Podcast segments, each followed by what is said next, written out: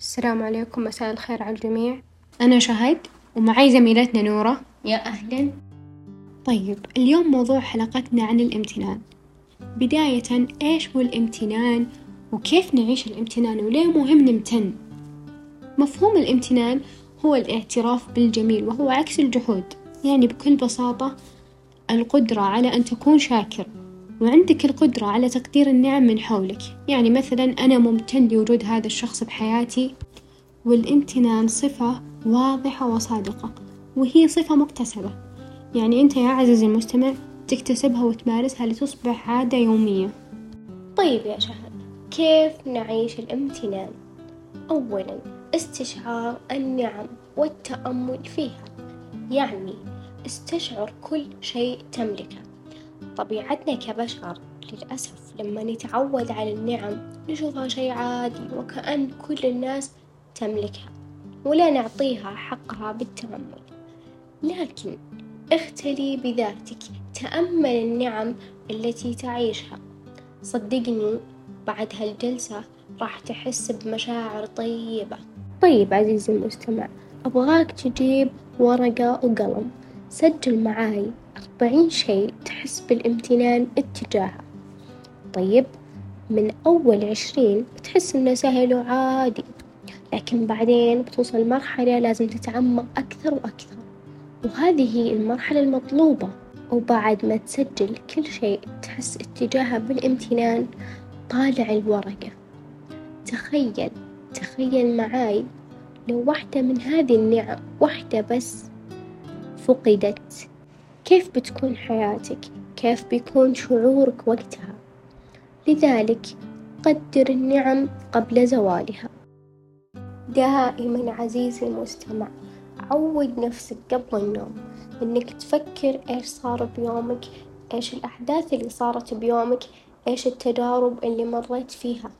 أنا اليوم الحمد لله كنت مبسوط أنا اليوم طلعت أنا اليوم أكلت أنا اليوم ضحكت هذه كلها نعم تستحق التفكر.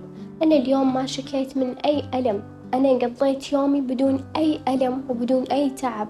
لما أفكر بهذه الأشياء قبل النوم راح أحس بالامتنان لكل شيء جالس أعيشه. حتى لو كان شيء بسيط في نظري أو شيء روتيني إني آكل وأطلع وأشرب.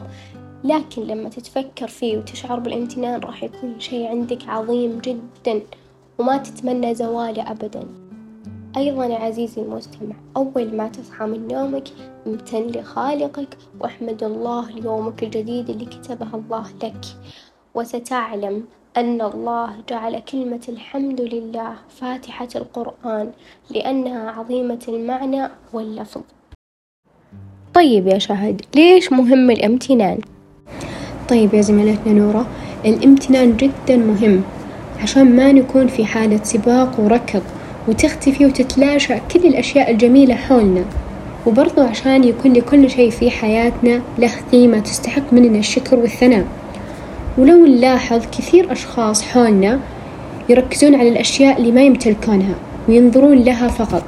وممكن هالأشخاص يمتلكون كل شيء ولكن حصر الزاوية تجاه الأشياء بشكل مرة صغير لدرجة تجاهل كل شيء يعيشه ويملكه وصار يمتلك النظرة السلبية فقط وبعدها يشعر بالنقص. وكيف للإنسان يشعر بالرضا؟ وهو نظرته سلبية لذلك لابد أن تغير تفكيرك ونظرتك. وقتها صدقني يا عزيزي المستمع راح تتغير أشياء كثيرة في حياتك. وتذكر لا يغير الله بقوم حتى يغيروا ما في أنفسهم. ويا عزيزي المستمع امتن للإيجابيات اللي تملكها بعدها ركز على السلبية وتعامل معاها وحاول تكتسب الامتنان عادة يومية في حياتك. راح تغير نظرتك وتغير تقديرك للأشياء. يعني يوميا حاول تسجل عشر أشياء ممتن لها وتأمل فيها وتمعن فيها وكل يوم بتلاحظ تعمقك في أدق التفاصيل وراح يزيد تقديرك للنعم. وكل ما عشت في حمد وامتنان أكثر زاد الخير اللي راح تحصل عليه. طيب نورا إيش نستفيد من الامتنان وإحنا تكلمنا فيه وقلنا كلام كثير؟ إيش فايدة هذا الامتنان؟ أولا الامتنان عبادة عظيمة جدا. لقوله تعالى ولأن شكرتم لأزيدنكم.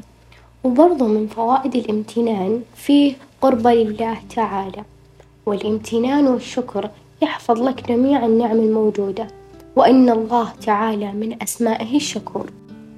يقول الغزالي إن كان الذي أخذ وأثنى شكورا فالذي أعطى وأثنى أولى أن يكون شكورا. فالله تعالى يجازي على الشكر فيسمى جزاء الشكر شكرا كما يسمى جزاء السيئة سيئة. طيب يا شهد متى تحسين أن الإنسان يقبل على الامتنان وبقوة؟ ممكن تستغربين شوية من جوابي لكن أنا أشوف الامتنان يظهر عند المصاعب يعني وقت المصاعب والمشاكل. الإنسان وقت المصاعب والمشاكل يقدر النعم الموجودة حوالينا يشوفها بشكل أوضح يقدرها. وصور الامتنان جدا كثيرة لكن حابين ننوه على امتنان مختلف جذريا. عن اللي يخطر في بالكم الآن اللي هو الامتنان للنسيان. يعني أكيد لو قلت لكم كذا أن الإنسان يكون ممتن للنسيان راح تستغربون كيف يعني أن الشخص يكون ممتن للنسيان. وكثير أشخاص بيقولون بالعكس أنا أبغى أتمتع بذاكرة قوية ليش أمتن إني أنسى؟ لكن النسيان نعمة جدا عظيمة. متى النسيان يكون نعمة جدا عظيمة؟ في المواقف الصعبة فقد عزيز في مواقف صعبة كبيرة صارت لك هنا الامتنان نعمة جدا كبيرة وجدا عظيمة. وكل هذه الظروف سواء فقد عزيز سواء مشكلة سواء مصيبة صارت لك كل هذه الظروف تخليك واقف بنص الطريق بدون ما تتقدم.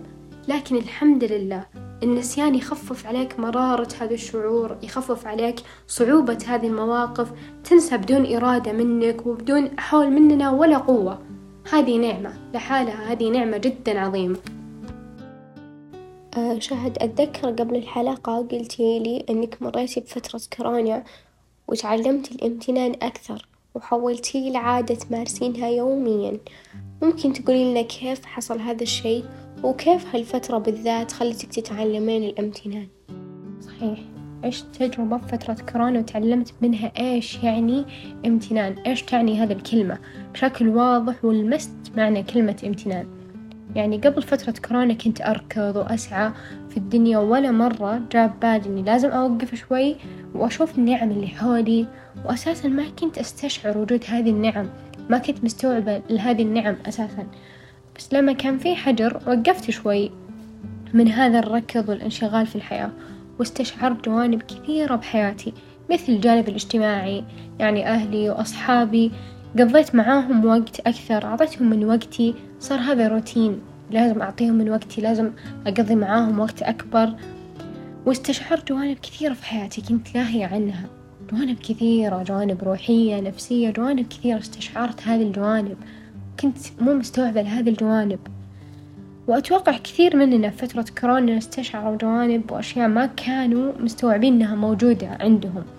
ومن بعد هالفترة اللي مريت فيها ومن بعد هذه التجربة أخذت عهد على نفسي مهما كثر انشغالي مهما كثر ضغطي مهما ركضت وسعيت بالحياة لازم أوقف شوي وأستشعر كل الجوانب وكل النعم اللي موجودة عندي. لازم. وأحمد ربي عليها. الحمد لله يعني من فترة كورونا ليومكم هذا وأنا أحاول قد ما أقدر أوقف شوي. مهما زاد انشغال لازم أوقف لازم شاهد وقفي شوي أرتاحي فكري بالأشياء والجوانب. بعدها تعطيني طاقة إني أرجع أكمل كل شيء بالحياة بكل حب. آه فعلا شكرا على هالنقطة وشكرا لأنك أعطيتينا واقع تجربة وإنه فعلا ما أجمل التفكر والتأمل بكل شيء حولي. وإن هالوقفة والتأمل بتعطيني أكبر طاقة إني أكمل بكل حب وامتنان.